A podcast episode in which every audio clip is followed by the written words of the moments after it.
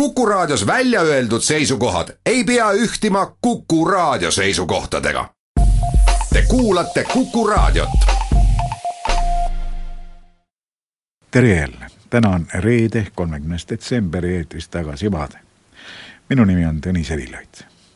Liivimaa kasakad, kes on enne neist midagi kuulnud, siiski olid kord sellised kasakad olemas ja ei koosnenud mitte venelastest, vaid eestlastest ja lätlastest alustame oma lugu aasta viimasel päeval, tuhat üheksasada kolmkümmend üheksa, ajaleht Esmaspäev. kurb oli Liivimaa kasakate saatus, kirjutab Esmaspäev. Nad tekkisid Napoleoni sõdade ajal, kui keiser oma väega Moskva peale marssis, tegi ta oma kümnenda korpuse ülemale marssal Etienne MacDonaldile ülesandeks vallutada Londoni agul Venemaal. nii nimetas Napoleon Riiat, kus kaudu tõepoolest Inglise kaubad Venemaale voolasid ajalehe järgi oli selles McDonaldi korpuses Preisi kuninga Friedrich Wilhelm kolmanda väed. sama kuningas oli vaid mõni aasta tagasi andnud Friedrich Suure haual piduliku tõotuse Vene keisrile, et peab temaga igavest sõprust. Riiat kaitses Vene armee kuueteist tuhande meheline üksus, aga sellest oli vähe ja asuti maakaitsevägede moodustamisele. keiser Aleksander Esimene andis küll käsukirja, aga see ei puudutanud Liivimaad ega Eestimaad Liivimaa maamarssali Aleksander Esimese sõber Friedrich von Sievers pani asja siiski liikuma. ta tuli mõttele, et tuleks formeerida ratsaüksus, mis saakski nimeks Liivimaa kasakad. kaheksateistkümnendal juulil tuhat kaheksasada kaksteist tegi ta selleks üleskutse mõisnikele ja teatas oma plaanist ka kindralkuberner von Essenile. üleskutses oli, et ratsaväe moodustamiseks peaksid mõisad andma iga kahekümne viienda registri hinge ja pidama seda ratsaväge ka üleval, kui see on moodustatud. no mõisnikud tuld ei võtnud. peale kõige muu kujutasid nad endale elavalt ette, mis rahutusi võib talupoegade seas tekkida, kui mõisate ligidal liiguvad lingi nende endi soost relvastatud kasakad. talupoegade meel oli niigi käärima hakanud. nimetus Liivimaa kasakad kõlab kui rauast puit kirjutas ironiseerivalt Riia pastor Graave. võib küll ju talupoegadele piigid kätte anda, aga see neid küll kasakateks ei tee. no kindralkuberner ei lasknud end pilkamisest häirida ja ajas Liivimaa maapäeva Tartusse kokku. sealgi poldud mõttest vaimustatud, aga lõpuks lubati siiski anda kaks tuhat hobust ja nende selga iga sajanda registri hinge kahekümne kolmandal augustil määrati kasakatele ka ülemus. no Friedrich von Sievers loomulikult, nii oli ta ka ise lootnud. ta lasi tulevased kasakad saata enda mõisa praeguse Ceesise lähedal ja kiirustas ise Peterburi. mehi võttis tema asemel vastu politseimeister von Üksküll. kui Sievers Peterburist tagasi sai, oli ta esimene mure oma kasakad üle vaadata. no see oli kole vaatepilt, mis talle avanes mehed olid enamasti viiekümne, kuuekümne aastased või jälle kidura kasvu ja tervisega. oli ilmne, et mõisnikud on andnud talle kasutud mehed, kes enam mõisapõllul ei oleks suutnud tööd teha.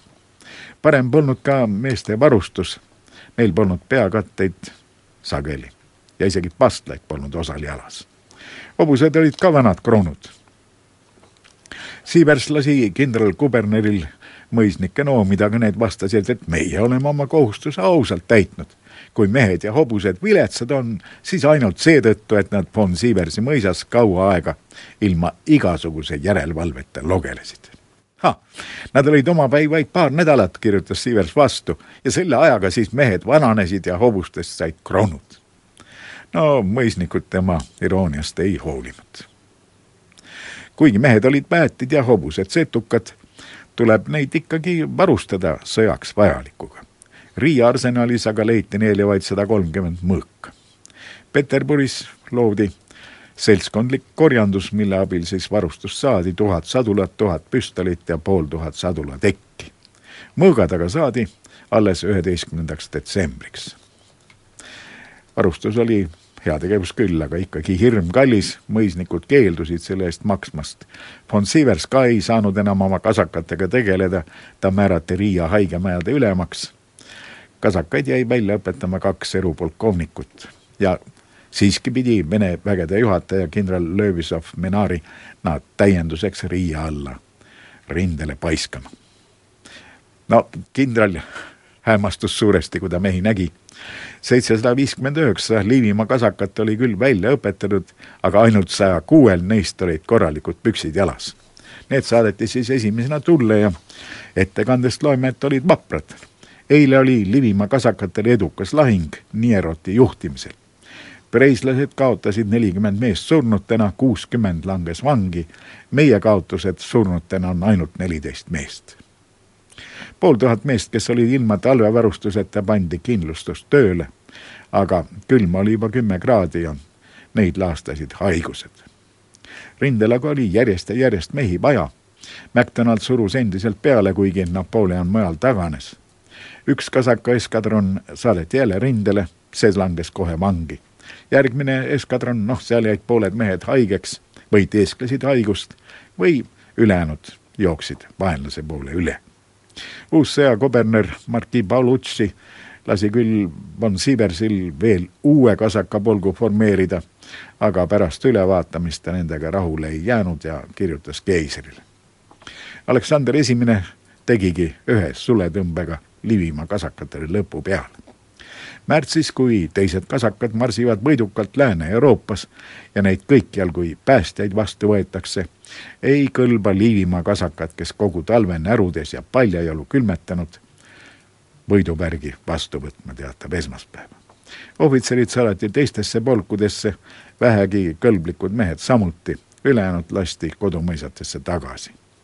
Liivimaa kasakate polk läks maksma viissada kuuskümmend kolm tuhat seitsesada kaheksakümmend üks rubla, võtab esmaspäev kokku. tänu Tanberg on tänapäeval uurinud maakaitseväe moodustamist rõhuga küll Eestimaa kubermangul. tema nendib, et siiski suudeti formeerida Balti kubermangudes mitu üksust. Liivimaa maakaitsevägi, kasakatest juttu ei ole. von Schmidti ja von Niiroti vabakorpused, Kuramaa kütikorpus eriüksustes teenis paarsada laskurit Tartu ja Pärnumaalt, sama palju võeti madruseid Saksamaalt. Eestimaa kubermangus teinud küll Harju Aadel ettepaneku anda maakaitseväkke üks mees iga saja meeshinge kohta. arutati mitu päeva, noh, jäädi näiliselt harjulastega nõusse ja sõiteti laiali ja kui tuli Aleksander Esimese ukaas, kus Balti kubermangud jäeti maakaitseväe moodustamise kohustusest kõrvale siis saadeti keisrile kiri, et ollakse küll nõus erakorralise nekruti võtmisega, aga mingit maakaitseväge tõepoolest ei hakata moodustama, sest talupoeg ei ole vabatahtlike eneseohverdustega harjunud ja iga kodumaa armastusest lähtuv jõupingutus olla talle võõras